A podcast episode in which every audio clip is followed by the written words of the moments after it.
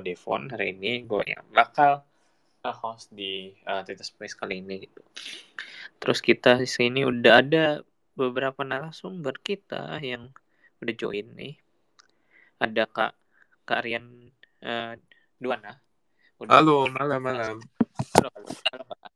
Apa kabar Kak? Baik, baik. Oh, nice, nice. Ya, eh kayaknya gak putus-putus. Halo, halo. Ya, tadi baik ya. Nice, nice, nice. Uh, malam minggu dan baik-baik aja. Uh, terus kita juga punya ada speaker satu lagi. Ada Kak Nago. Halo Kak. Nago. Halo. Halo, halo Devon. Halo Rian. Halo. Apa kabar Kak? Ya, biasa-biasa aja sih. biasa-biasa aja. Kalau Jis ya, apa? apa? Gak boleh terlalu bilang buruk, gak boleh terlalu bilang baik. Oke oke aja. bener bener. Kalau satu sampai lima berarti ya tengah-tengah. Lima atau tengah tujuh lah ya boleh ya. Tujuh, tujuh boleh. Oke. Berarti kalau tujuh berarti ya. Uh, tujuh fine. ya fine, pretty good, oke okay, gitu. Ya. sip sip. Thank you, thank okay. you, thank you udah udah menyempatkan diri buat join di sini. Uh, Karin Kak Nago dan juga teman-teman yang udah hadir di sini di uh, Twitter Space. Nah, kalau kita lihat dari judul, wih ini judulnya cuma uh, biasa ada panjang, sekarang cuma dua kata nih. Ngomongin impostor syndrome. Oke, ini sesuatu kata-kata yang hmm, kayaknya lumayan sering diucapin belakangan ini, tapi juga kedengarannya kayaknya menakutkan juga ya impostor gitu loh. Nah, mungkin hari ini kita bakal bahas lebih lanjut ini si impostor syndrome ini apa. Nah, sebelum kita lanjut ke pembahasan, kita kenalan dulu kali ya sama uh, speaker-speaker kita. Tadi ada udah sempat uh, tanya kabar, sekarang coba kenalin gini dulu. Dari Kak Rian dulu, Kak. Uh, halo Kak Rian, jadi sekarang aktivitasnya ngapain aja nih? Saya sekarang aktivitasnya kerja aja nih, uh, Devon. Biasa hmm. sama nge-tweet-nge-tweet, kadang-kadang kalau misalnya ada waktu. Terus sama lagi bikin podcast juga karena apa podcastnya lagi lagi libur dulu untuk sementara sampai nanti ya mungkin awal April kali ya nah. gitu kan muncul dengan konsep baru oh, gitu kita tunggu ya uh, pod podcastnya nanti berarti yoi kalian ini sebagai marketing ya marketer Iya betul. Aku biasa ini apa kerja di bidang marketing. Sekarang head of product marketing di salah satu fintech investasi di Indonesia. Oke okay, oke. Okay. Nice nice kira-kira mungkin teman-teman udah sedikit kebayang ya berarti ya mungkin udah banyak kenal juga sama Karian sebetulnya nah kita itu kayaknya kayaknya lebih banyak kenal Karian nih gitu uh, nah selanjutnya nih kak kak kita kenalan lagi sama kak Nago nih boleh kenalan dulu kak aktivitasnya sekarang lagi ngapain ya oke okay, halo semuanya yang sedang mendengarkan space malam ini um, namaku Nago jadi profesiku hmm. seorang psikolog klinis dewasa. Hmm. Jadi memang aktivitinya kebanyakan ya ketemu klien sih dalam keseharian. Dan di sela-sela itu berusaha mencoba aktif, menulis dan mungkin kadang jadi narasumber lah di berbagai platform gitu. Ya. Tapi akhir-akhir ini memang lagi itu sih, lagi mungkin banyakkan fokus klien sih. Akhir-akhir ini okay. sedang mencoba mengurangi ya ngobrol-ngobrol ya, jadi narasumber ataupun nulis ya karena kayak butuh lagi cukup hektik juga jadi kayaknya sementara ini akhir-akhir ini lagi sering fokus klien aja gitu. Oke oke. Kalau ngomongin uh, apa psikolog klinis dewasa itu berarti uh, klien-kliennya yang lebih ke arah-arah pekerjaan pekerjaan gitu nggak sih biasanya? Uh, iya benar-benar. Jadi jadi memang kalau klienku kebanyakan usianya mungkin 20 sampai 30-an gitu kan ya. Jadi antara kuliahan, baru lulus kuliah atau lagi um, building karir, berkeluarga, yang kayak kayak gitulah, gitu. Oh nice. Ya berarti emang emang 20 30 atas gitu klien. Oke. Okay. Nah, Betul. Karena Kak Nago ini uh, sebagai psikolog, nah berarti ini lumayan apa nih? Uh, kita bertanya dengan orang yang tepat nih. Kita mau nanya, sebetulnya impostor syndrome itu apa sih kak? Ini sering banget orang-orang ngomong sekarang tapi sebenarnya apa sih gitu apakah si uh, kayak si emong gitu Iya iya iya. Oke. Um, ya istilah impostor syndrome itu merupakan salah satu istilah psikologi populer kali ya yang rame ya. Hmm. Ya kebetulan sama banget ya yang dipakai kayak di game Among Us ya, impostor gitu ya.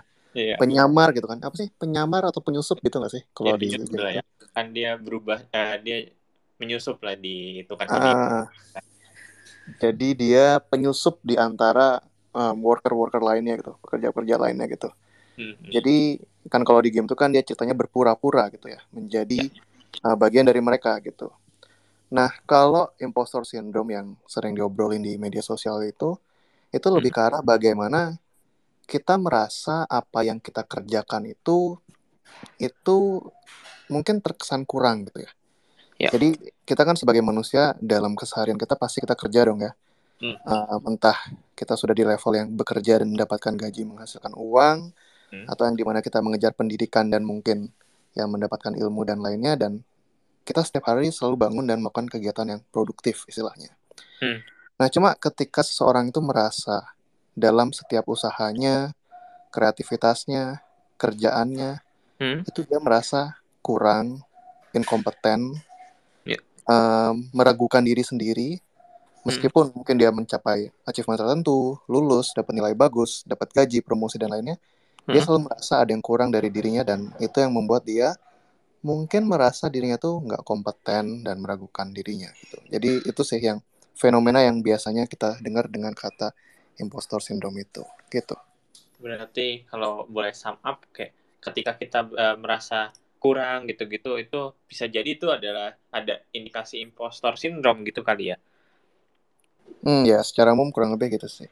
Hmm, berarti selalu merasa kurang ya kayak ya ada rasa nggak percaya diri juga kali ya berarti ya dengan Iya, kayak hmm, kayak sederhananya mungkin kita ngerasa kalau apa pun yang kita capai itu Hmm. kita dapatkan secara pantas dari kemampuan kita. Kayak misalkan ini nih kita dapat achievement di kantor nih. Ya. Ketika teman-teman datang muji kita terus kita bilang ah enggak, gue hoki doang sih, kebetulan aja kayak gitu. Jadi ada kata-kata yang mungkin istilahnya mungkin mengurangi esensi dari kerja keras yang sebenarnya kita lakukan untuk mendapatkan achievement itu gitu. Hmm, hmm. Oke oke berarti kurang lebih seperti itu ya jadi eh, ada tendensi kalau kita nggak nggak nggak me- apa ya me- me- eh, nggak apa merasa kalau itu bukan eh, kerja hasil kerja kita juga gitu kali ya Nah, ya itu. Itu yang mungkin nyambung ke kayak istilah impostor gitu. Hmm, Ah, kita ini cuma ibaratnya kita tuh nggak pantas di posisi ini. Kita tuh nggak pantas dapat achievement ini. Kita tuh cuma berpura-pura gitu loh. Hmm. Kita cuma cuma menyusup. Jadi kita merasa misalkan nih kita masuk ke suatu instansi dan kita lulus berhasil di sana. Kita ngerasa teman-teman kita tuh semua deserve di sana. Cuma kita sendiri yang kita ngerasa kayak gue impostor di sini gitu loh. Nggak berhak sebenarnya di sini. oke oke ah I see berarti berarti di situ ya eh, letak impostornya gitu ya. Jadi Benar, benar. makanya kemarin dari kemarin ini impostor? Mana impostornya? Ternyata di situ letak impostornya. Gitu. Oke oke sekarang coba kita mau nanya nanya lagi lebih lanjut ke Kak Rian nih. Nah kalau Kak Rian sendiri gitu mungkin ada definisi lain Kak at- dari impostor syndrome menurut Kak Rian gitu. Hmm, halo. Hmm, menurutku sebenarnya mirip ya sama apa yang Nago bilang gitu kan. Karena yang namanya imposter syndrome ya secara psikologi memang teorinya begitu. Tapi kalau prakteknya tuh biasanya ya gitu kan. Lebih honest gue bisa bilang begini karena gue juga udah pernah ngerasain yang namanya imposter syndrome and then Ya. I know that it's really tough gitu kan buat kita tuh ketika kita ngerasain imposter syndrome. Hmm. Jadinya kayak awal-awalnya kita ngerasa bahwa kita bisa gitu. Kita tuh confident banget, kita tuh percaya banget sama kemampuannya kita. Hmm. Kayaknya kita berasa pintar banget gitu. Tapi habis itu lama-lama kita ngerasa kayak gini kayak kayak apa ya? Kayak hah gitu. Kok yang lain juga bisa ya? Hmm. Kok dia juga bisa ya? Apa apa apa uniknya ya gua? Hmm. Kok gua gak berasa lebih pintar daripada mereka ya gitu. Nah, biasanya tuh pertanyaan-pertanyaan kita tuh yang muncul waktu kita Ya. lagi kena imposter syndrome. Hmm. Karena biasanya gua nah gua ad- ini jadinya ini tuh biasanya disclaimer gue bukan psikologis profesional kayak Nago gitu tapi ya gue suka banget sama topik-topik psikologi gitu kan self development gitu jadinya kalau kalau dilihat gitu waktu itu gue juga sempat nge-tweet kan tentang imposter syndrome. Pertama naik dulu tuh gitu kan grafiknya gitu kan ya. Kayak apa? Kayak kita tuh naik gitu kan. Kayak ngerasa oh gitu eh, kita tuh pintar banget gitu perasaan Hmm. gitu. Terus abis itu tiba-tiba turun jebret kita turun ke bawah gitu. Nah itu tuh uh, pas lagi downfallnya itu tuh yang paling parah sih gitu kan menurut gue ya. Karena ya itu ibaratnya kayak lu tadinya gitu kan you are on the top gitu. Suddenly you are on the bottom Hmm. nah kira-kira gitu sih rasanya imposter syndrome ya jadinya gue setuju banget sama sama apa sama definisinya Nago tadi Oke oke. Nah kalau boleh diceritain lebih lanjut tuh, kan katanya Vin pernah juga mengalami. Mm-mm. Itu kapan gitu? Pernah bisa Hmm. diceritain lebih lanjut nggak? Oke, jadinya dulu ya gitu kan. I think imposter syndrome nih gue ngerasanya, gue tuh kayaknya ya gue tuh pernah kena dua kali sebenarnya. Jadinya waktu pertama kali kuliah, terus masuk kerja, sama pertama kali waktu gue dari uh, individual contributor di kantor, terus tiba-tiba disuruh manage orang. Jadi Hmm. pertama gue berasa pintar banget gitu kan. Ini namanya juga anak lulus kuliah gitu kan. Yang kayak wah gue di di mana? Gue di di kampus tuh juara. Hmm. Kemudian juga ma- mahasiswa yang cukup berprestasi lah ya. Dosen-dosen juga pada happy sama gue. Dan ketika gue masuk kantor, gue berasa kayak oh oke fine gitu kan ya. It will be the same things like when I was in the in the apa? In the college nih. Tapi ternyata gitu kan ya pas gue ketemu kayak kayak orang-orang yang lebih berpengalaman dan lebih profesional dibandingin gue waktu gue kuliah gue langsung ngerasa rendah diri gitu. Hmm. yang kayak oh ternyata nggak begini ya caranya. Oh ternyata nggak begitu ya caranya. Oh Hmm. ternyata ada cara lain yang gue tahu. Kok di teorinya begini gitu? Kok begitu gitu? Terus gue nggak pintar dong. Ya gue di kuliah bego dong gitu. Itu gue pernah ngerasain tuh begitu.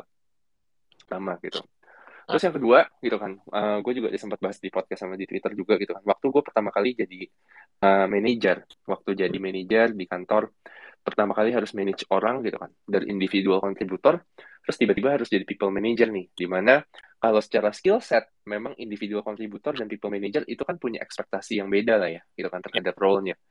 Ya Ah. kalau udah jadi people manager kalau di kantor ya you need to ensure that other people will do what you do according to your standard nah Hmm. at that moment gitu kan ya karena namanya manager baru ya dan kebetulan juga kayaknya gue waktu itu agak songong gitu ya biasa lah gitu kan ya manusia gitu berasa pintar Ya. terus agak songong gitu gue ngerasa kayak aduh gitu ngapain ya gitu kan ya udahlah gitu kan ya anak masih pada bocah-bocah gitu in the end gue gak jadi leader yang baik gue gak jadi manajer yang baik Hmm. dan ya udah downfall lagi gitu karena ujung-ujungnya semua orang jadi mempertanyakan kredibilitas gue semua Hmm. orang mempertanyakan kayak eh, Rian tuh bisa gak ya? Gitu. Kok dia bisa kok dia dipromot?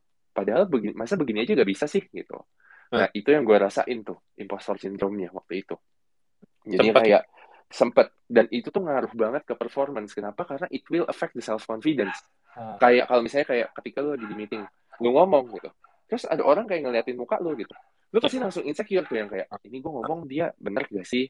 Atau gue bener gak sih? Atau gue cuma kelihatan ngomong doang ya? Yang kayak gitu Ya. jadinya kira-kira gue ngerasain imposter syndrome kayak gitu ya Hmm. kayak diliatin orang terus pas gue lagi meeting orang ngobrol ngob- uh, bisik-bisik gitu itu tuh jadi kayak apa ya jadi kayak insecure banget gitu sih ya kira-kira gi- gitulah pengalaman gue ngadepin in- ya, ngalamin imposter syndrome Iya. iya.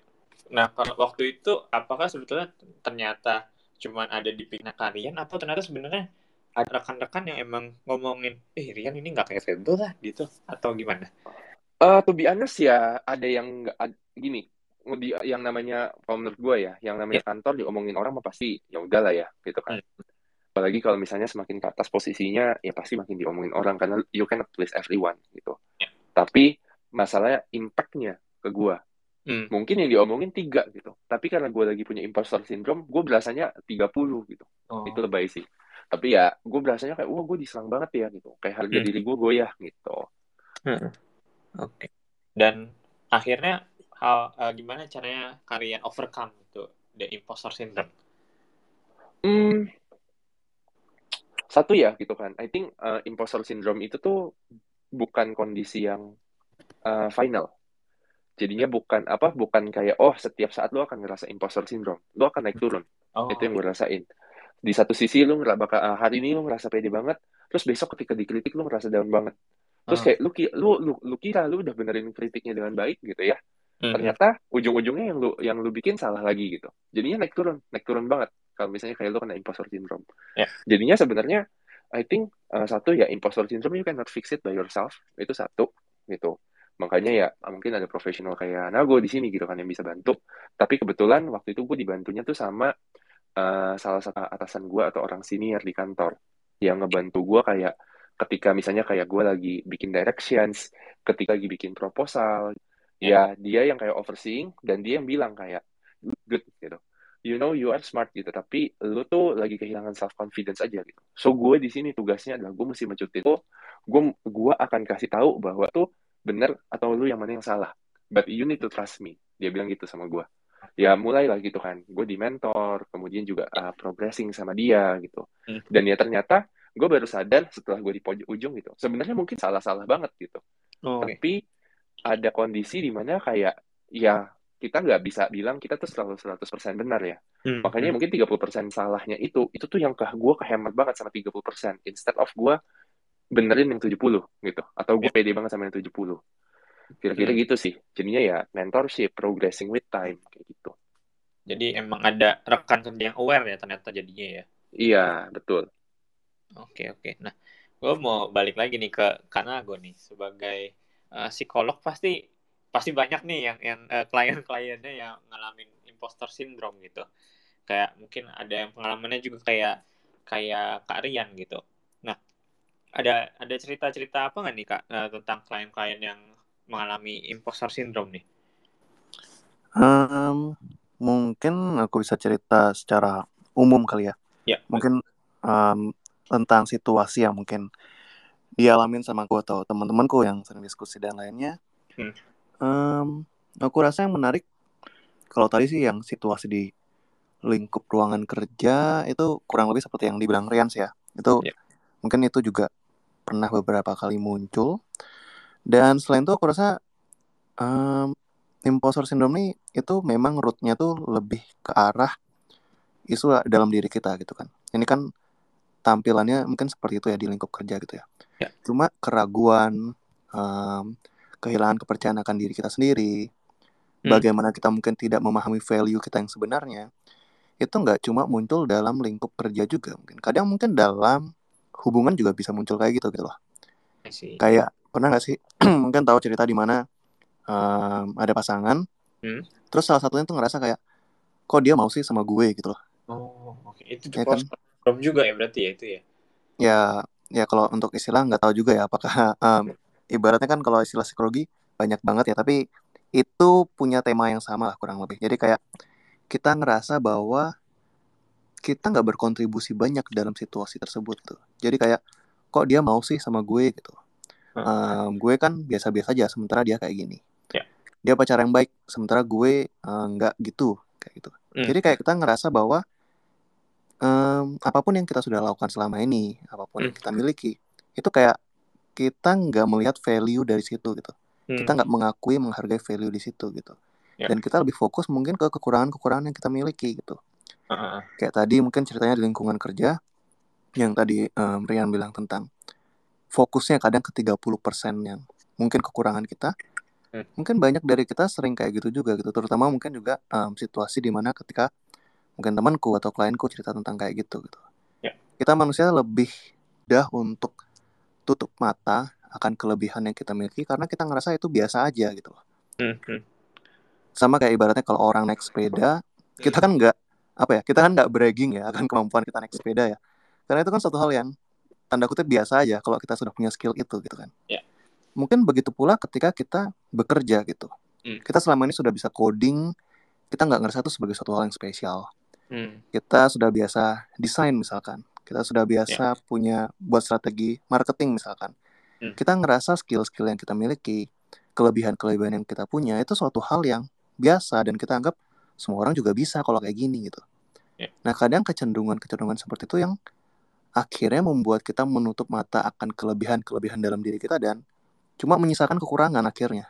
Hmm. Nah di situlah baru mulai muncul tuh kembali pikiran-pikiran self doubt, overthinking, yang ujung-ujungnya kembali ke eh, mungkin merusak konsep diri kita bahwa diri kita menjadi orang yang tidak pantas berada di sana. Kayak kayak gitu sih mungkin.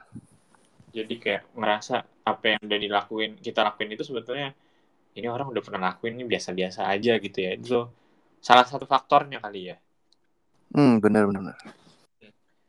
Kalau kita coba gali lebih dalam kenapa bisa gitu gimana ya kak? Kenapa bisa orang jadi Hmm. biasa-biasa gitu? Oke. em, kenapa ya? Kalau dipikir-pikir ya. Makanya, apa ya?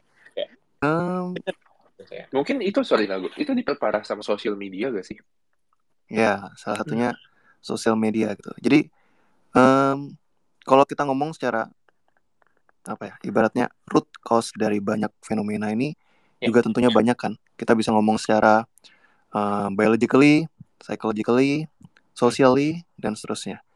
Kalau yang kayak Ryan bilang tadi secara sosial media itu juga bisa menjadi salah satu faktor. Kenapa? Karena kalau kita bayangin nih, misalkan generasi di atas kita deh, satu generasi di atas kita aja.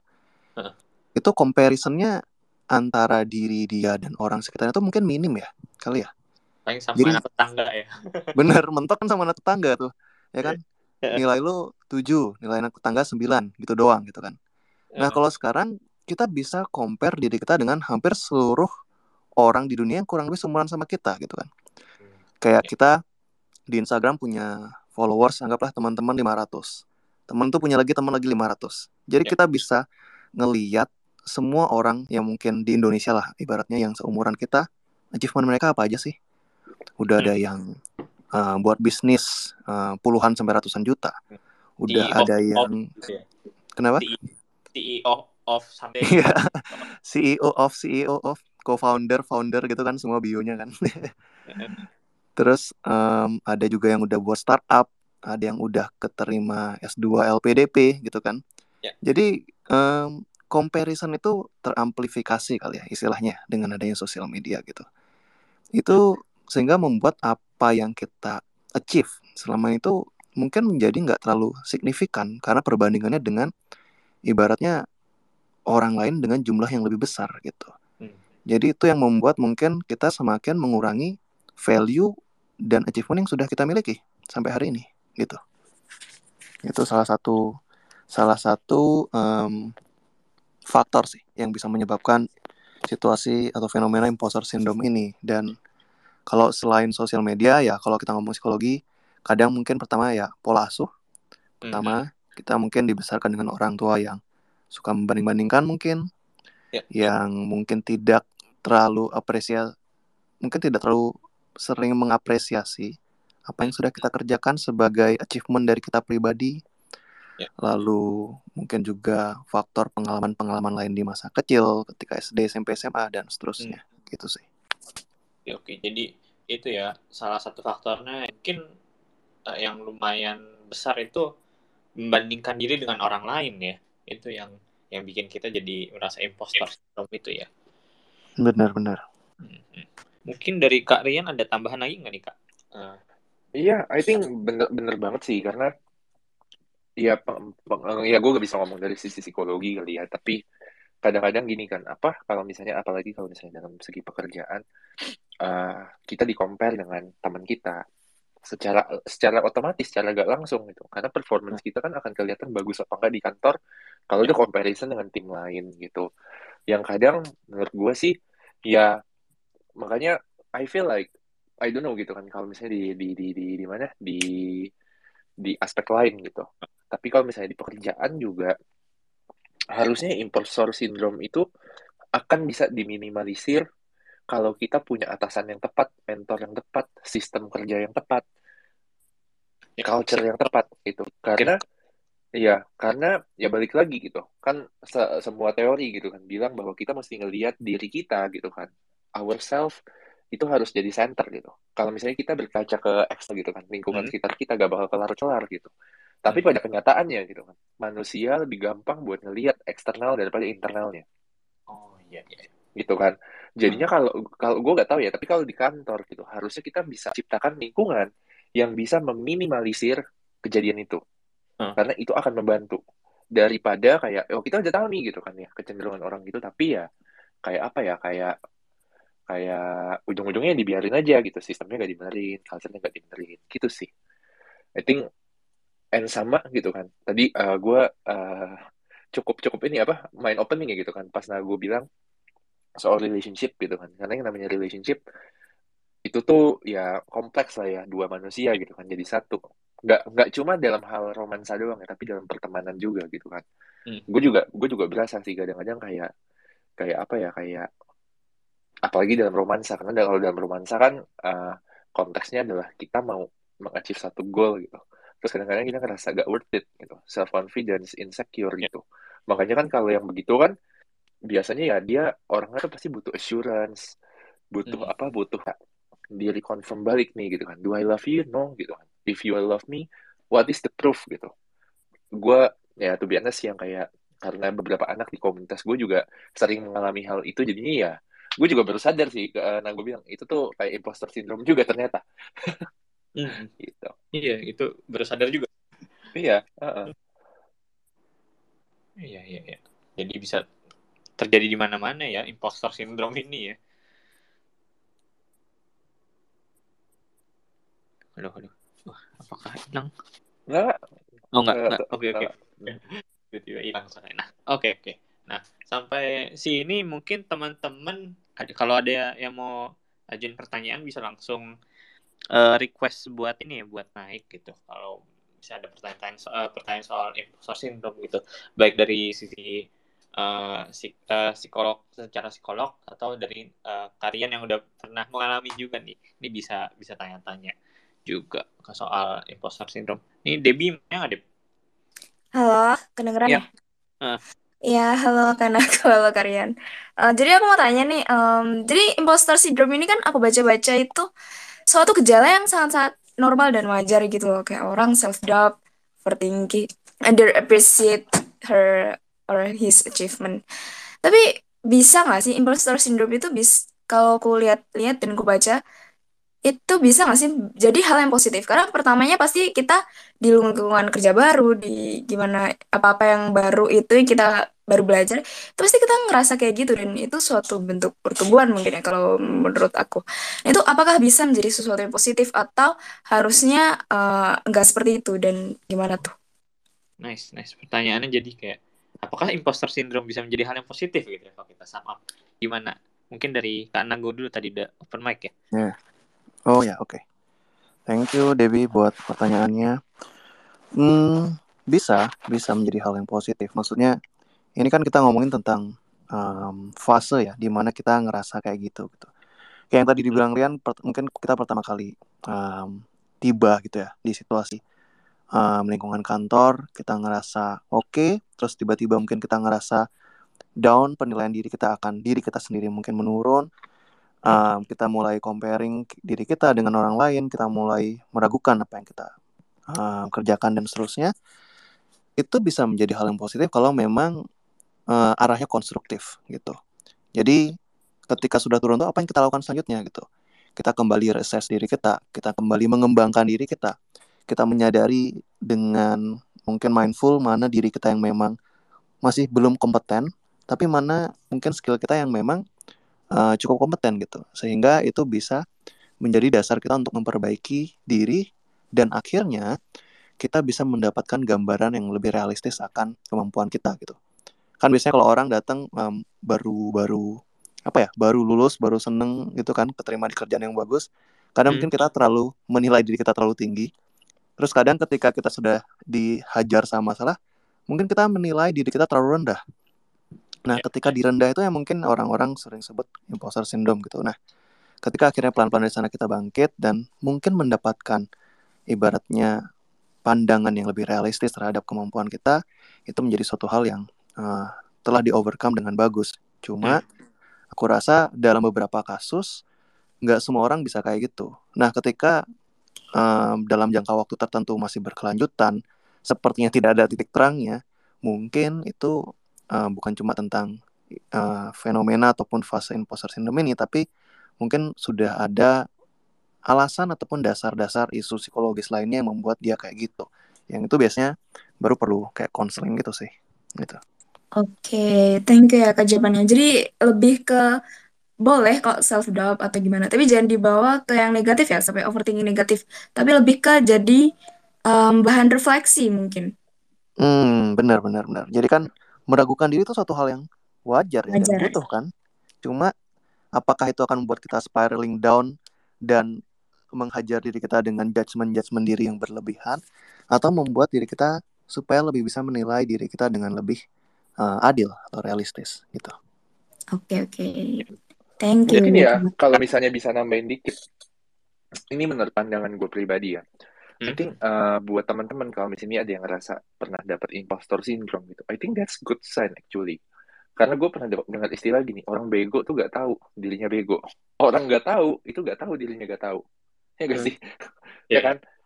Nah, pertanyaannya gitu kan, kalau gue ya, I don't know ya, nah gue mungkin bisa correct me if I'm wrong gitu, tapi justru orang-orang yang kena impostor syndrome itu adalah orang-orang yang sadar bahwa dia itu ada kurangnya. Hmm, benar benar benar. Iya kan gitu. Mhm. Dan ketika kita sadar, jadinya harusnya gitu kan ya, energi yang kita coba adalah untuk mengimprove Hmm. instead of blaming ke diri kita sendiri. Iya. Ya lu udah tahu nih gitu kan ya misalnya nih ya contohnya gitu kayak lu lu gak bisa Excel sheet gitu. Oke fine gitu kan ya bukan berarti gue bego, emang gue kagak tahu aja gitu. Makanya daripada kayak kok dia lebih jago sih uh, bikin Excel sheetnya, kok dia lebih jago sih gitu kan. Mendingan lu energi buat itunya lu pakai gitu kan untuk bisa uh, belajar Excel sheet gitu. Mungkin dengan begitu itu yang tadi Nago bilang kali ya, imposter syndrome-nya itu jadi lebih produktif daripada kayak ya ujung-ujungnya kayak kenapa sih gue bego, kenapa sih gue kagak bisa gitu. Itu menurut gue ya. Ya, ya. Jadi kalau dari ambil sisi positifnya bisa jadi impostor syndrome ini jadi turning point kita ya berarti ya. Gitu ya kira-kira. Oke, thank you Nago sama Karian buat jawabannya dari Debbie. Mungkin Debbie terjawab kali ya. Yes, thank you. Kita udah ada dua orang yang naik. Ada Kak Toima. Kak Toima mau sharing atau mau nanya, Kak? Eh, mau nanya, mau nanya Ya. kali ya. Kalian curhat. Ini sih ada hubungannya nggak sih imposter syndrome ini sama perfeksionisme? Perfeksionis maksudnya eh, kan orang-orang perfeksionis itu kayaknya eh, punya standar yang standar sendiri ya. Selalu ingin eh, pokoknya beda lah dia dia kayak macam punya standar sendiri yang kayaknya orang lain udah cukup pun enggak belum gitu loh kayak macam ini deh eh, masang sesuatu gitu kayak kurang apa, miring satu senti aja kayak ganggu banget gitu loh Ya. Eh, kayak gagal gitu nah udah gitu yang kedua sih mau nanya practical practical things yang bisa eh, kita eh, apa ya terapkan sehari-hari gitu. Eh, karena gue ngerasa kayaknya imposter syndrome deh. Soalnya eh, ya kayak pencapaian apa yang menurut orang lain oke Hmm. selalu ah gitu doang gitu loh. Kadang-kadang diyakinkan pun sama orang yang eh yang yang memang punya kapasitas itu suka masih ah beneran gak sih? gitu loh. Eh gitu sih mungkin mungkin udah udah udah, udah nangkap ya eh, ini poinnya gitu sih Berarti pertanyaan pertama itu ada nggak hubungannya imposter syndrome sama perfeksionis gitu ya? Kalau yang pertanyaan kedua adalah gimana sih caranya biar menanggulangi ya kali ya simple. Iya, eh, tapi yang praktikal gitu loh, yang yang kayak macam hal-hal kecil.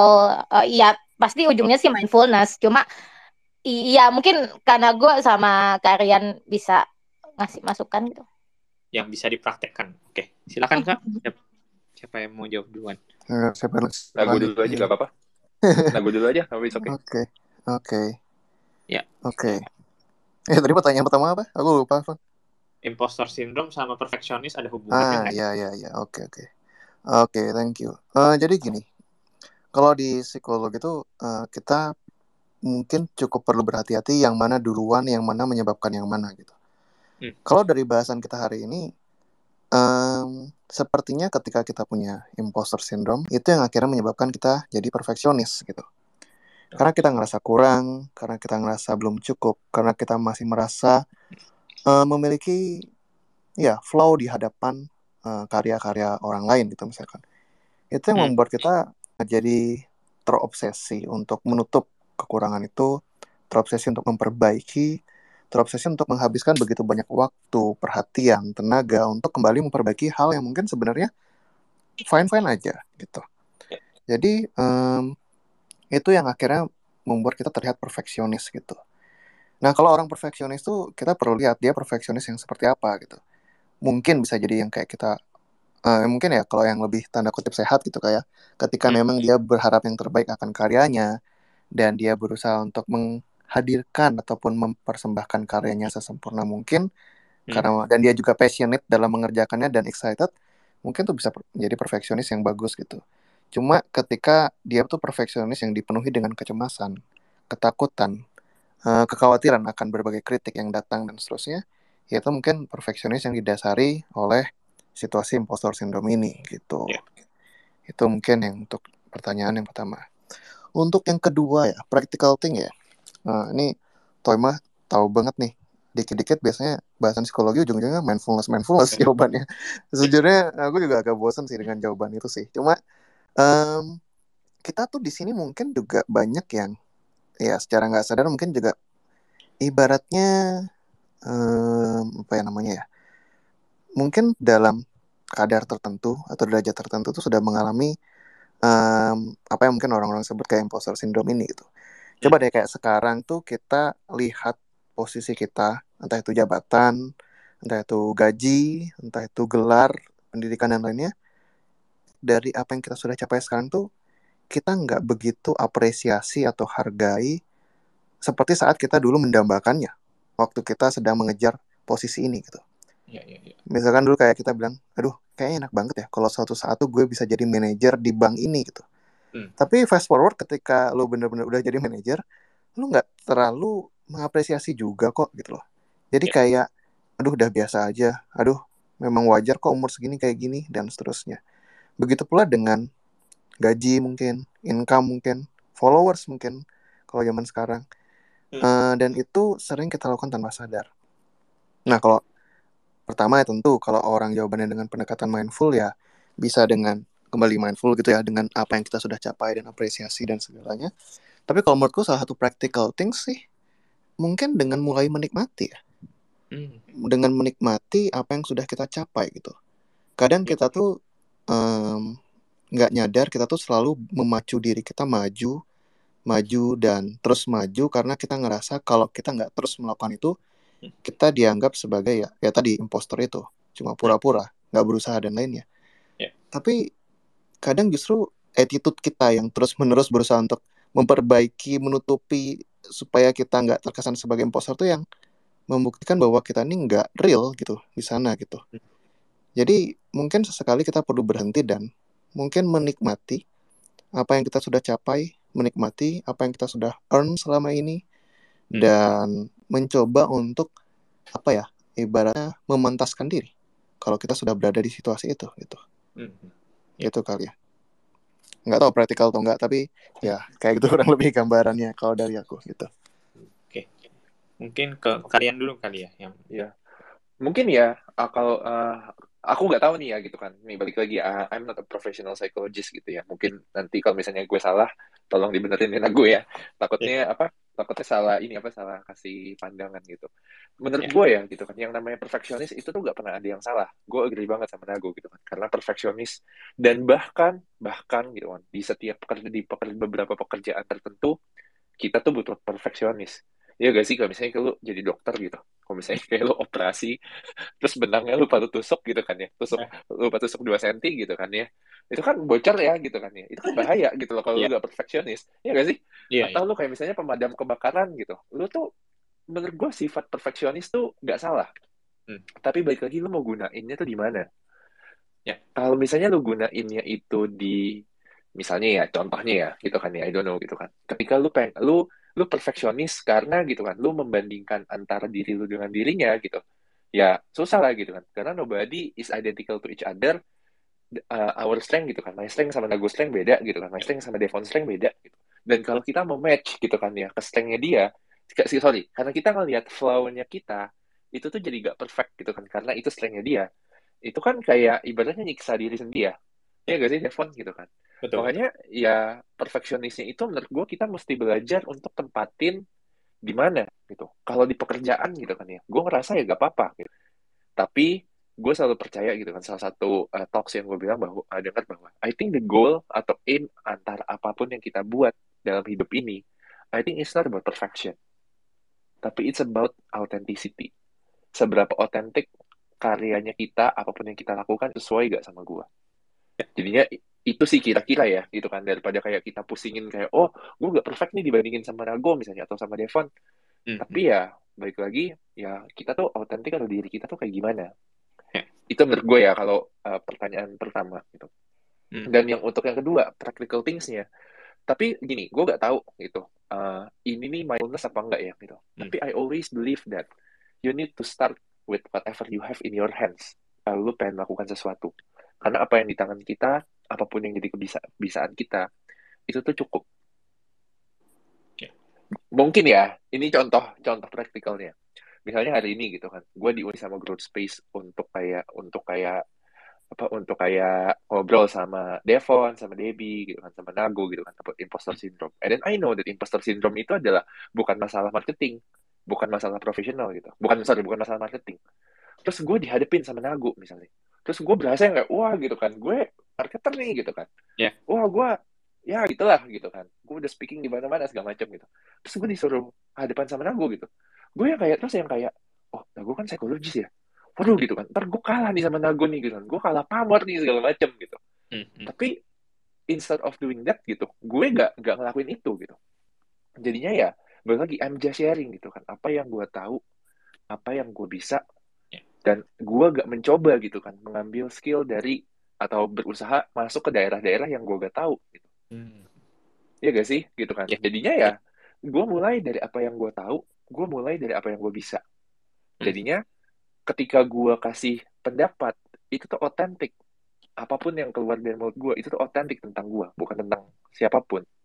Dan ya buat gue itu bisa di-apply gitu kan di mana pun di pekerjaan gitu start with whatever you have in your hands.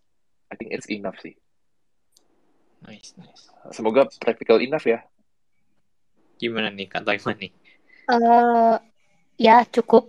Cukup praktikal cuma cuma masalahnya gini. Ini kan kalau tadi eh, apa ya lebih ke kayak membandingkan dengan orang lain. Nah kalau kasus saya ini lebih ke kayak gelut sama diri sendiri berantem sama diri sendiri gitu loh.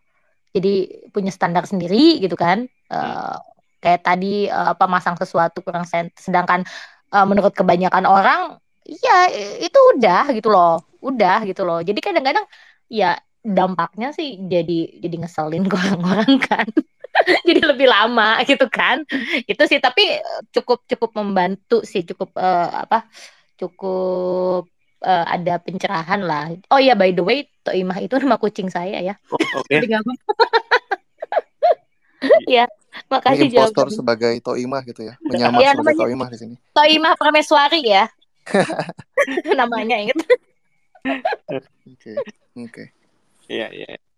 Thank you, um, Kak. Mungkin ya. mau nambahin sedikit tadi. Iya, um, boleh, boleh. Tadi yang dibilang Rian tuh bagus banget sih tentang authenticity gitu. Karena ini kan ngomongin impostor gitu kan. Di mana um, konsepnya tentang menyamar, kesamaan, membandingkan gitu kan. Jadi ya jalan tengahnya untuk overcome ini adalah tentang authenticity. Ya originality gitu. Apa yang kita bisa tawarkan berbeda gitu.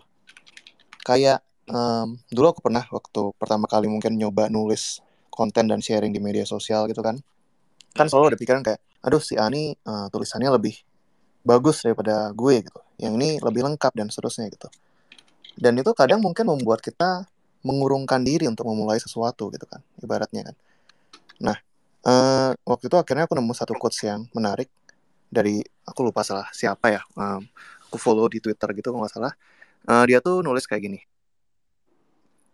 um, semua hal yang kamu sharingkan di media sosial itu sudah ada yang pernah sharing kok sebelumnya gitu. Hmm. Tapi followersmu itu atau readersmu itu ingin membaca itu atau mendengarkan itu dengan gaya penyampaian kamu gitu. Jadi misalkan hari ini kita bahas tentang imposter syndrome. Sudah ada kok psikolog lain yang ngomong. Yeah. Atau kita mau bahas tentang pengalaman di tempat kerja. Sudah ada kok orang lain yang ngomong. Atau hmm. mungkin Rian mau bahas tentang marketing. Sudah banyak marketer lainnya mungkin lebih berpengalaman yang ngomong gitu kita harus selalu ingat bahwa orang itu ingin mendengarkan versi kita, hmm. uh, original versi kita, yang lebih autentik, yang kita, yang hanya kita yang bisa mengutarakannya gitu. Jadi itu mungkin salah satu kunci dari bagaimana overcoming imposter syndrome ini, hmm. gitu.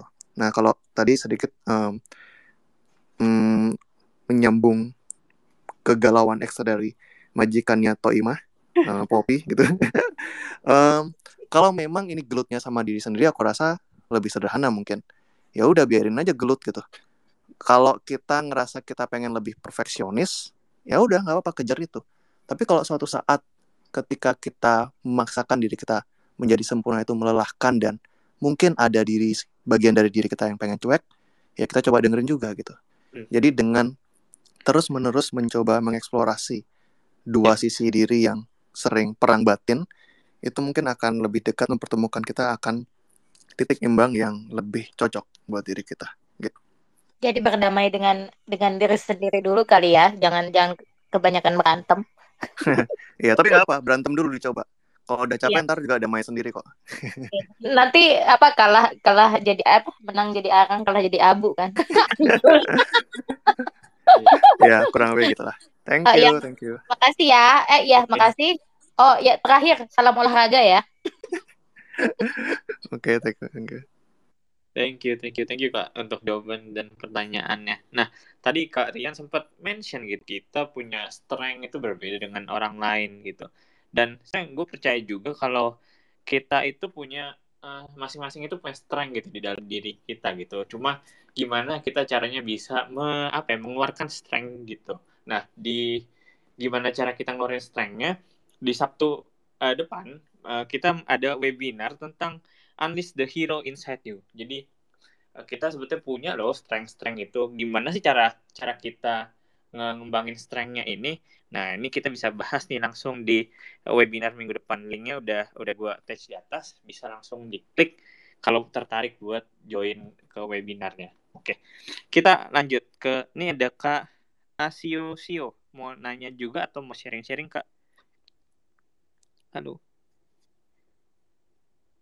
Halo, halo. Bisa di unmute atau gue yang nggak kedengeran bisa di unmute. Gitu. Hmm, lagi AFK jangan. AFK kayaknya ya. Mungkin. Oke, kalau gitu. eh di Debbie kayaknya mau nanya lagi nih, kayaknya udah buka mic gini Deb. Iya. Jadi aku mau nanya, kadang tuh imposter syndrome itu bukan bisa dari sendiri sendiri wajarnya dari sendiri diri sendiri, tapi kadang tuh orang lain itu yang membuat kita imposter syndrome yang kayak kakak bilang tadi ya dari pola asuh dan lain-lain. Nah, gimana kalau uh, dari lingkungan kita sendiri nih ngomong kamu tuh kurang, apa yang kamu lakuin sekarang itu kurang gitu. Hmm. Nah, how to draw the line gitu kak antara mem- me- membawa, mengolah um, kritisisme itu menjadi sesuatu yang konstruktif, tapi kadang kan kita nggak bisa meng, apa ya, mengontrol, menghandle emosi atau meng, menghandle pikiran kita. Nah, how to draw the line? Apa, uh, apakah emang yang aku lakuin ini kurang untuk membuat refleksi diri, atau malah yang buat yang konstruksi itu membuat kita jadi malah down? Itu gimana? How to handle that? Ya, mungkin ada tips dari Kak Ryan atau Kak Nego. Thank you. Hmm, menurut saya sih criticism ya. Tadi kan kamu ngomongin soal gimana cara mengontrol yang dari orang lain ya. Yes. Kalau kalau saya rasa sih gimana bilangnya ya akan susah sih karena gini kita nggak bisa nggak- kita nggak akan pernah bisa mengontrol orang lain. That's for sure. Yang bisa kita kontrol lalu diri kita sendiri. Dan yang namanya kritik, yang namanya masukan, yang namanya input itu tuh pasti selalu ada. Hmm. Nggak mungkin nggak ada gitu. Hmm. Pertanyaannya adalah seberapa besar atau seberapa kuat kita bisa menerima kritik atau input orang lain. Ya, kalau gue simple sih gitu. Don't know ya gitu kan teknik psikologinya tuh kayak gimana gitu. Tapi I feel like kritik itu tuh jadi gimana ya? Dulu gue gue dulu sih belajarnya gini ya dan ini memang butuh ketahanan mental juga gitu. Bahwa jangan fokus ke eh, how-nya. Jangan fokus caranya gitu. Tapi fokus kenapa dia ngomong begitu. Kenapa dia mengkritik, kenapa dia kasih masukan. Karena ya kadang-kadang caranya orang tuh beda-beda, tapi maksudnya mungkin sama gitu. Ya. Kayak misalnya contohnya gitu kan ya. Kita tuh misalnya contohnya hal simple deh gitu. Misalnya kayak kita kerjaan kurang bagus gitu. Ada orang yang tipenya misalnya wah ada yang orang yang kayak direct gitu. Eh kerjaan lu jelek banget sih gitu. Hmm. Nah, ada juga orang yang tipenya yang kayak halus, "Hmm, kayaknya kita bisa lebih rapiin lagi deh gitu. Atau ada, ada juga tipenya orang muter-muter, "Hmm, hmm, hmm, hmm," gitu. Ada juga orang yang tipenya asertif. Nah, kita kan nggak bisa milih gitu. Tapi yang bisa kita lakukan adalah kita bisa mengklarifikasi kalau kita nggak ngerti. Hmm. Ketika kita dikritik atau ketika kita dikasih input. Jadinya ya gitu sih, uh, mungkin Debbie ya gitu. I don't think that we can control other people gitu. Yang bisa kita kontrol adalah res- respon kita terhadap apa pun yang orang lain katakan ke kita. Baik itu kritik, baik itu masukan gitu. Dan kita selalu bisa mengklarifikasi. mungkin itu sih kalau dari gue ya ya ya Oke. Em, kalau dari aku biasanya prinsipnya gini sih. Em, gunakan omongan dari orang lain tuh sebagai informasi, Hmm. bukan sebagai vonis gitu atau pedoman mutlak gitu tentang bagaimana kita harus berperilaku gitu. Jadi ketika ada orang mungkin ngasih feedback kayak, eh apa yang em, kamu lakukan ini belum bagus nih, masih kurang nih. Ya. Itu kita anggap sebagai informasi, bukan sebagai vonis bahwa kita akan gitu terus selamanya gitu loh. Tapi sebagai informasi bahwa oh saat ini atau karyaku kemarin atau kerjaanku kemarin masih dinilai kayak gini gitu. Kayak selanjutnya tentang bagaimana kita eh, berproses dari sana gitu. Karena pada dasarnya kita tuh makhluk sosial ya. Eh, apa pun yang kita lakukan itu nggak akan bisa sepenuhnya terhindar dari penilaian orang lain gitu.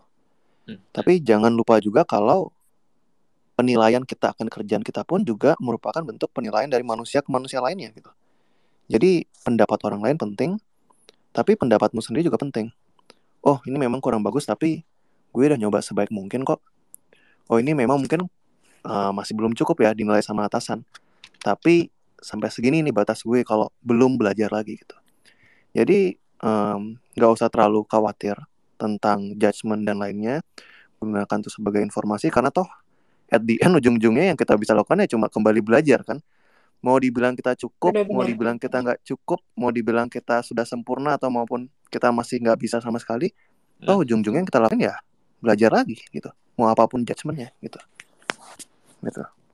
Oke, thank you ya Kak. Jadi intinya em, try to lang jangan langsung ngasih buat kesimpulan ya. Jadi coba dianalisis dulu kenapa mereka ngomong kayak gitu dan apa yang dari apa yang mungkin bisa aku perbaiki. Thank you. Oke oke. Nah sebetulnya gue jadi ada pertanyaan yang mungkin lanju- eh, lanjutan dan agak mirip-mirip ya sama DB ini gitu. Tadi Kak Nago di awal udah mention kalau imposter syndrome itu misalkan kayak merasa nggak layak gitu ya kayak. Nah, gue jadi ada pertanyaan sebetulnya gimana sih kita harusnya me, apa ya menghadapi men- pujian gitu. Gimana kita harusnya respon ke pujian apalagi kayak kita mungkin sebagian besar kit- dari kita diajarin mungkin dari kecil eh, kalau ini ya untuk rendah hati segala macam gitu. Eh, jadinya mungkin kadang malah terlalu rendah hati jadi kayak eh, ketika dipuji enggak kok enggak ini ini bukan saya yang kerjain segala macam jadi bisa jadi kan jadi kecenderungan imposter syndrome gitu. Nah sebetulnya gimana ya respon yang lebih baik ketika menghadapi pujian itu? Gimana? Hmm. Nah ini aku juga bingung nih. Gimana ya kalau kita dipuji ya? Karena eh aku dulu kayaknya pernah nge-tweet yang mirip deh. Kayak kita tuh takut banget untuk diejek, dikomentarin. Tapi giliran dipuji juga kita tolak gitu ya nggak sih? Iya. Heeh, yang ini suatu pertanyaan yang menarik nih. Karena eh, kita tuh ngerasa awkward gitu kayak kalau dipuji. ya. Mungkin Rian punya ide nggak kira-kira gimana biasanya kalau kita dipuji nih gitu? Kira-kira balasnya kayak gimana ya responnya? Hmm. Menarik sih sebenarnya apa ya? Yang namanya dipuji sebenarnya gini. I I feel ya, oke, I can be wrong, I can be uh, I can be wrong gitu kan. Tapi gue ngerasa ya orang yang kalau misalnya dipuji gitu, abis itu kayak apa ya? Abis itu kayak ya terus dia merasa ah, gue gak layak nih dipuji gitu. Itu tuh kayak dia tuh sebenarnya sombong terselubung gitu. Yang secara gak sadar ya. bisa bisa gua. bisa. Iya gak Iya. sih gitu kan? Karena gini, lu sombong itu eh, karena gini, orang tuh nyebe- sebel gak sih kayak lu orang ket oh ini memang beneran nih gitu kan. I'm really appreciating you gitu. Iya. Tapi eh tiba-tiba tuh kayak ngerasa kayak ah enggak bukan gua, itu orang lain gitu. Sebel gak sih gitu kan orang ngeliatnya kayak eh, ini orang apa sih gitu. Padahal ya sebenarnya memang genuine aja buat buat buat kita dipuji gitu kan atas mungkin kerjaan yang bagus atau kerjaan yang baik gitu. I think kalau gue ya practical tipsnya gitu kan ya. Kalau gue gue akan selalu bilang gini. Just say itu gitu. Kalau misalnya gue dipuji, thank you pak gitu kan. Uh, thank you gitu kan. Misalnya nih contohnya bos gue muji gue kayak, eh Rian kerjaan lu bagus. Thank you pak. This is the work of the team as well gitu. Jadinya gue selain or, setelah gue diberikan kredit, cara gue buat gue keep humble adalah gue juga memberikan kredit ke orang lain ketika gue dipuji. Ya gak sih? Karena gak mungkin gitu kan. Apa pun yang kita lakukan, apa pun yang kita lakukan itu tuh gak mungkin kita lakukan sendiri Hmm. Jadinya pasti akan selalu ada orang lain yang ngebantu akan ada tim yang ngebantu gitu so cara gue buat ngelatih biar gue kayak enggak pak bukan kerjaan saya gitu kan saya gue selalu bilang thank you pak for your appreciations I think the team also do a good work Oke. gue ya gitu kan itu Ya. caranya gue gitu biar gue gak nggak kayak kayak kayak terlalu oversell myself gitu dan gue juga gak terlalu undermine myself and some ya it works sih for me Ya, ya. Hmm, Quite hmm. nice ya. Kayak kayak itu ya. Kalau di komen di foto Instagramnya cantik gitu, terus kita bilang ah kamu juga cantik gitu. ya. Jadi saling muji, saling apresiasi gitu ya. iya uh-uh. mungkin ya Gitu ya. Eh, Cantikan kamu, kamu, kamu. Nah ya ya kayak gitu. ya tapi mungkin simple thank you juga oke sih. Simple thank you juga aku rasa eh, bentuk apresiasi atau respon yang oke juga gitu. Eh, mau nambahin boleh nggak? Masih. Boleh. Oke. Kalau karena memang saya ngerasa udah akut banget imposternya. Kalau dipuji itu kayak it feels strength gitu loh. Aneh aja gitu. Hmm. Kalau kalau saya sih lebih ke apa ya? Lebih bawa ke bercandaan atau menyebutkan ya selain say thanks ya. eh, po- apa ya proses kita dalam eh, mencapai itu. Contohnya gini, eh, eh, saya sendiri kan sekarang dalam berproses eh, merubah pola hidup ya, pola hidup, makan, olahraga, tidur dengan benar, It's basic things yang semua orang tahu, tapi susah gitu kan. Nah, ketika ada orang, wah hebat ya gitu kan, kita kita bisa apa ya? Saya sendiri sih eh, dalam tanda pamernya ya peng, lebih ke misalnya di sosial media ya, lebih ke buat keep eh, apa konsistensi kan. Nah, ketika wah hebat ya gini gini gini gini, eh sebenarnya kan saya sebagai orang perfeksionis masih ngerasa kurang enggak ini tuh masih ada yang ini tapi biasanya balasnya gini oh iya dong. Ini kan eh, ada orang yang eh, meng- mengomentari eh, badan saya yang udah udah udah udah mulai kebentuk gitu ya. Eh, segini. Iya dong. Ini kan eh, hasil eh, ngemil wortel tiap hari gitu. Jadi kan orang jadi bercanda gitu. Maksudnya eh, di, di sisi lain eh, kayak nggak eh, kalau itu kan case-nya beda gitu kan. Eh, jadi lebih ke bercandaan gitu. Lebih ke bercandaan. Kalau buat diri sendiri mungkin itu ketika eh, saya menyebutkan eh, eh, apa proses bagaimana eh, I to achieve I to achieve it gitu loh. Jadi pengingat lagi you are gitu, ge- kamu udah udah udah bekerja sekeras mungkin kok eh, sekeras apa yang bisa kamu lakukan saat ini gitu loh. Jadi udah keep konsistensi aja. Jangan kayak lebih kalau kalau ituin lebih mah ya nggak bakal nggak bakal Ya. selesai sih ya. Gitu Ya. sih. Jadi sesuai apa yang kita udah lakuin lah ya. Terus juga tadi ada hubungan dengan memantaskan diri juga berarti ya. Yang eh, tadi udah di mention gitu. Oke oke. Thank you semuanya buat pertanyaannya. Nah ini ada satu pertanyaan terakhir nih mungkin ya. Eh, terkait ya halo, halo. Malam, Iya. malam bisa kedengar? Bisa, Iya, sorry tadi AFK AFK sinyalnya emang lagi nggak bagus, lagi hujan banget di sini. Em, Oke, langsung pertanyaan. Makasih semuanya. Selamat malam. Mungkin Malam. pertanyaan dari saya itu, how we differentiate kalau kita terkena imposter syndrome dengan inferior, inferior complex? Kan sama-sama merasa kayak kita tidak pantas, eh, kita kurang rasanya gitu. Eh, diferensiatnya gimana itu? Makasih semuanya. Bedanya imposter syndrome sama inferior complex ya berarti ya. Ya ini nah gue Iya. jawab aja ya gue kagak kagak paham soalnya Oke oke. Em, sejujurnya aku juga berusaha untuk nggak terlalu em, nggak terlalu bermain dalam menjelaskan definisi istilah-istilah gini karena ujung-ujungnya sama-sama aja kok menurutku. Oke. dunia psikologi itu banyak banget istilah keren-kerennya gitu kan ya. Toxic Mhm. positivity, apa quarter life crisis, em, imposter syndrome, tapi ya ya gitu-gitu aja sih. Pasti intinya bagaimana kita manusia yang mungkin dipenuhi dengan rasa cemas, eh, keraguan akan diri sendiri, Hmm. bagaimana kita dinamika hubungan kita dengan orang sekitar dan seterusnya. Nah, cuma ketika itu mungkin tampil di hubungan beda istilahnya, ketika tampil di kerjaan mungkin orang bilangnya imposter syndrome, tapi kalau lebih ke arah bagaimana kita sendiri secara individu, pribadi, self itu mungkin bahasanya inferiority complex gitu. Tapi kurang lebih aku rasa sama eh, kurang lebih ya sama-sama aja, nggak perlu terjebak dalam istilah. Eh, mending kita fokus ke mungkin situasi realnya yang Hmm. kita rasa em, fenomena ini muncul gitu. Ya. Jadi nggak usah terlalu bingung sih, dibingung sih. Aku juga capek kayaknya Oh. mempelajari banyak istilah-istilah gitu kayaknya ya gitu-gitu doang sih ujung-ujungnya sebenarnya gitu. Oh ya berarti depends on konteks kali ya kak ya. Maksudnya Iya. intinya memang rasanya sama gitu. Eh, gejalanya atau yang dirasakan yang sama tapi depends on oh, how we see atau where we see tempat atau wadahnya gitu Benar. kali ya. Benar Oke, di thank you, konteks di konteks situasinya atau teori siapa atau siapa yang ngomong. Hmm. Tapi aku sih percaya kalau itu semua ya mirip-mirip sih sebenarnya. Ya gitu Ya. sih. Oke. Thank you kak.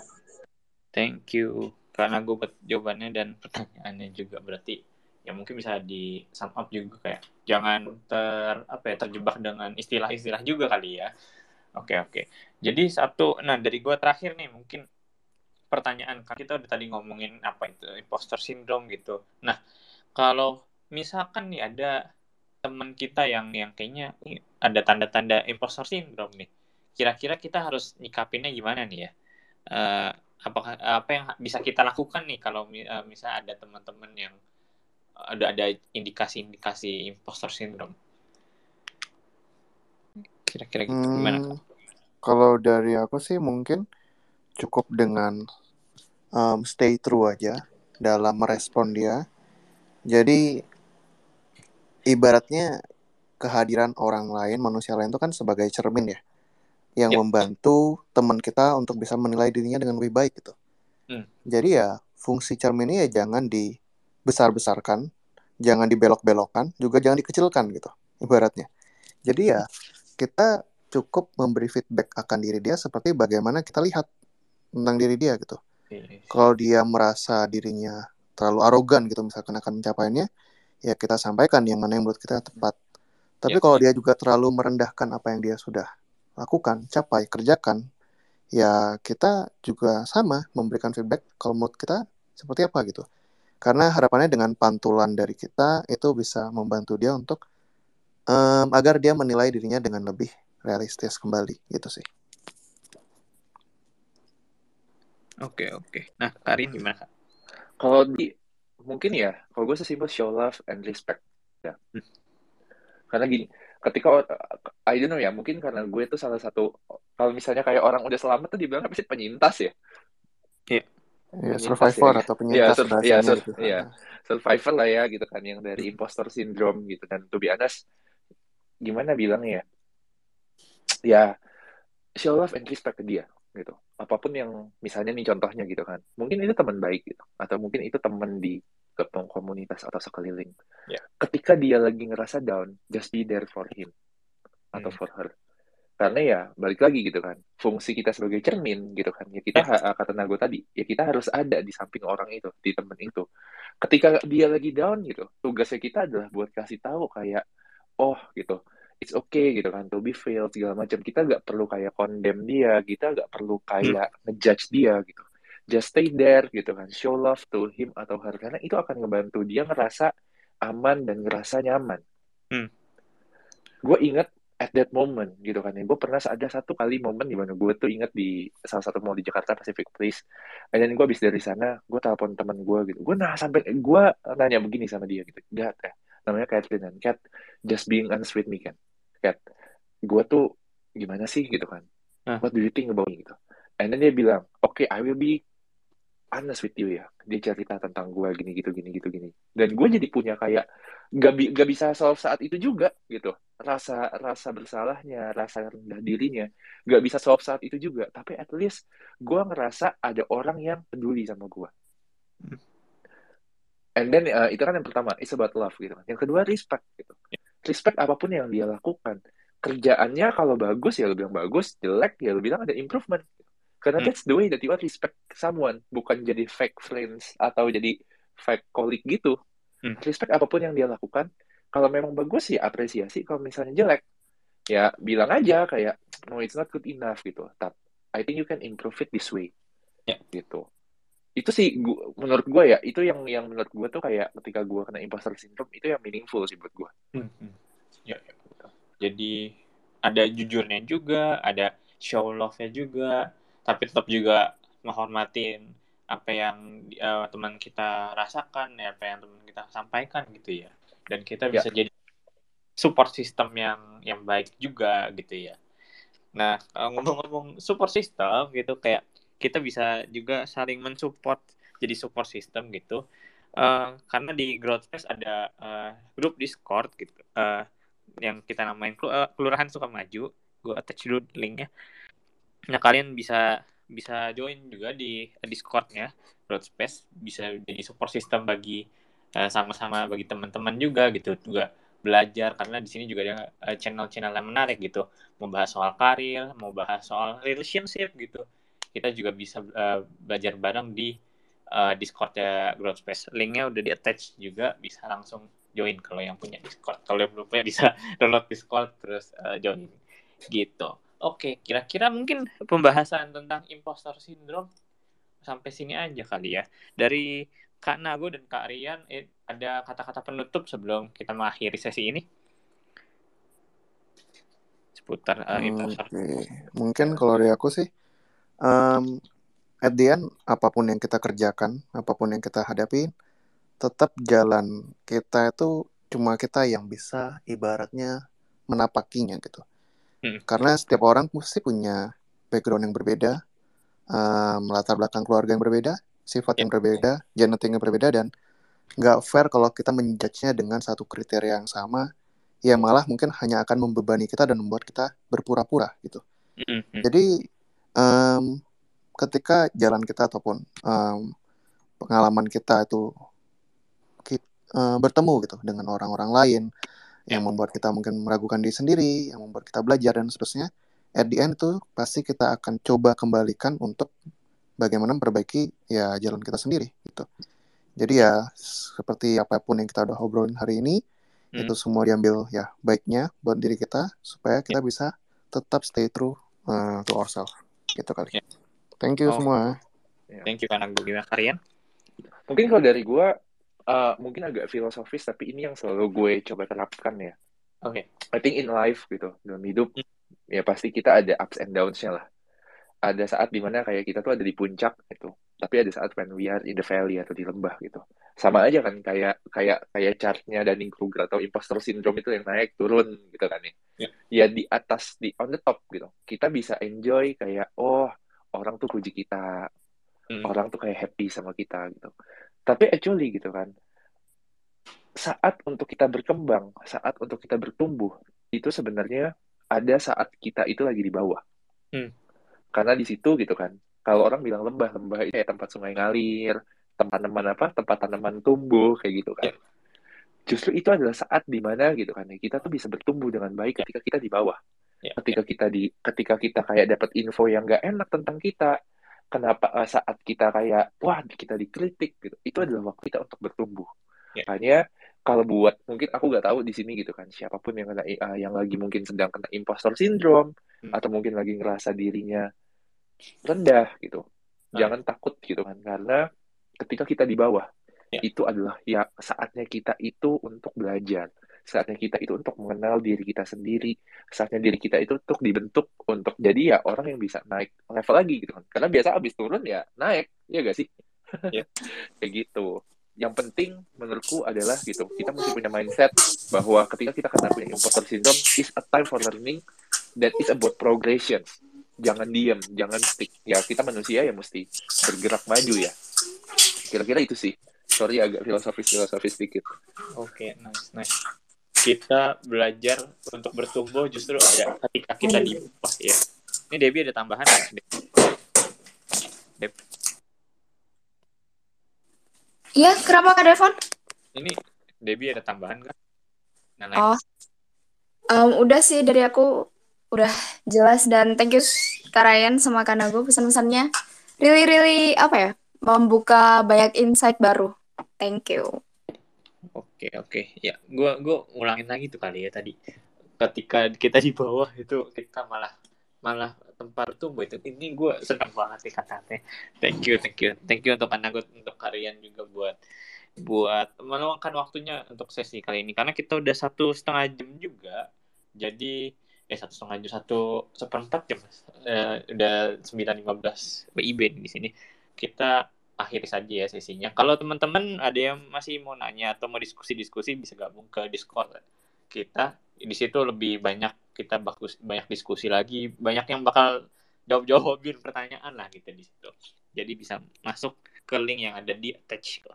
Kalau gitu uh, sesi kali ini kita akhiri. Sampai jumpa di sesi-sesi Twitter Space lainnya. Jadi goodbye and good night. Bye bye dadah semuanya Bye. Thank you. Bye bye.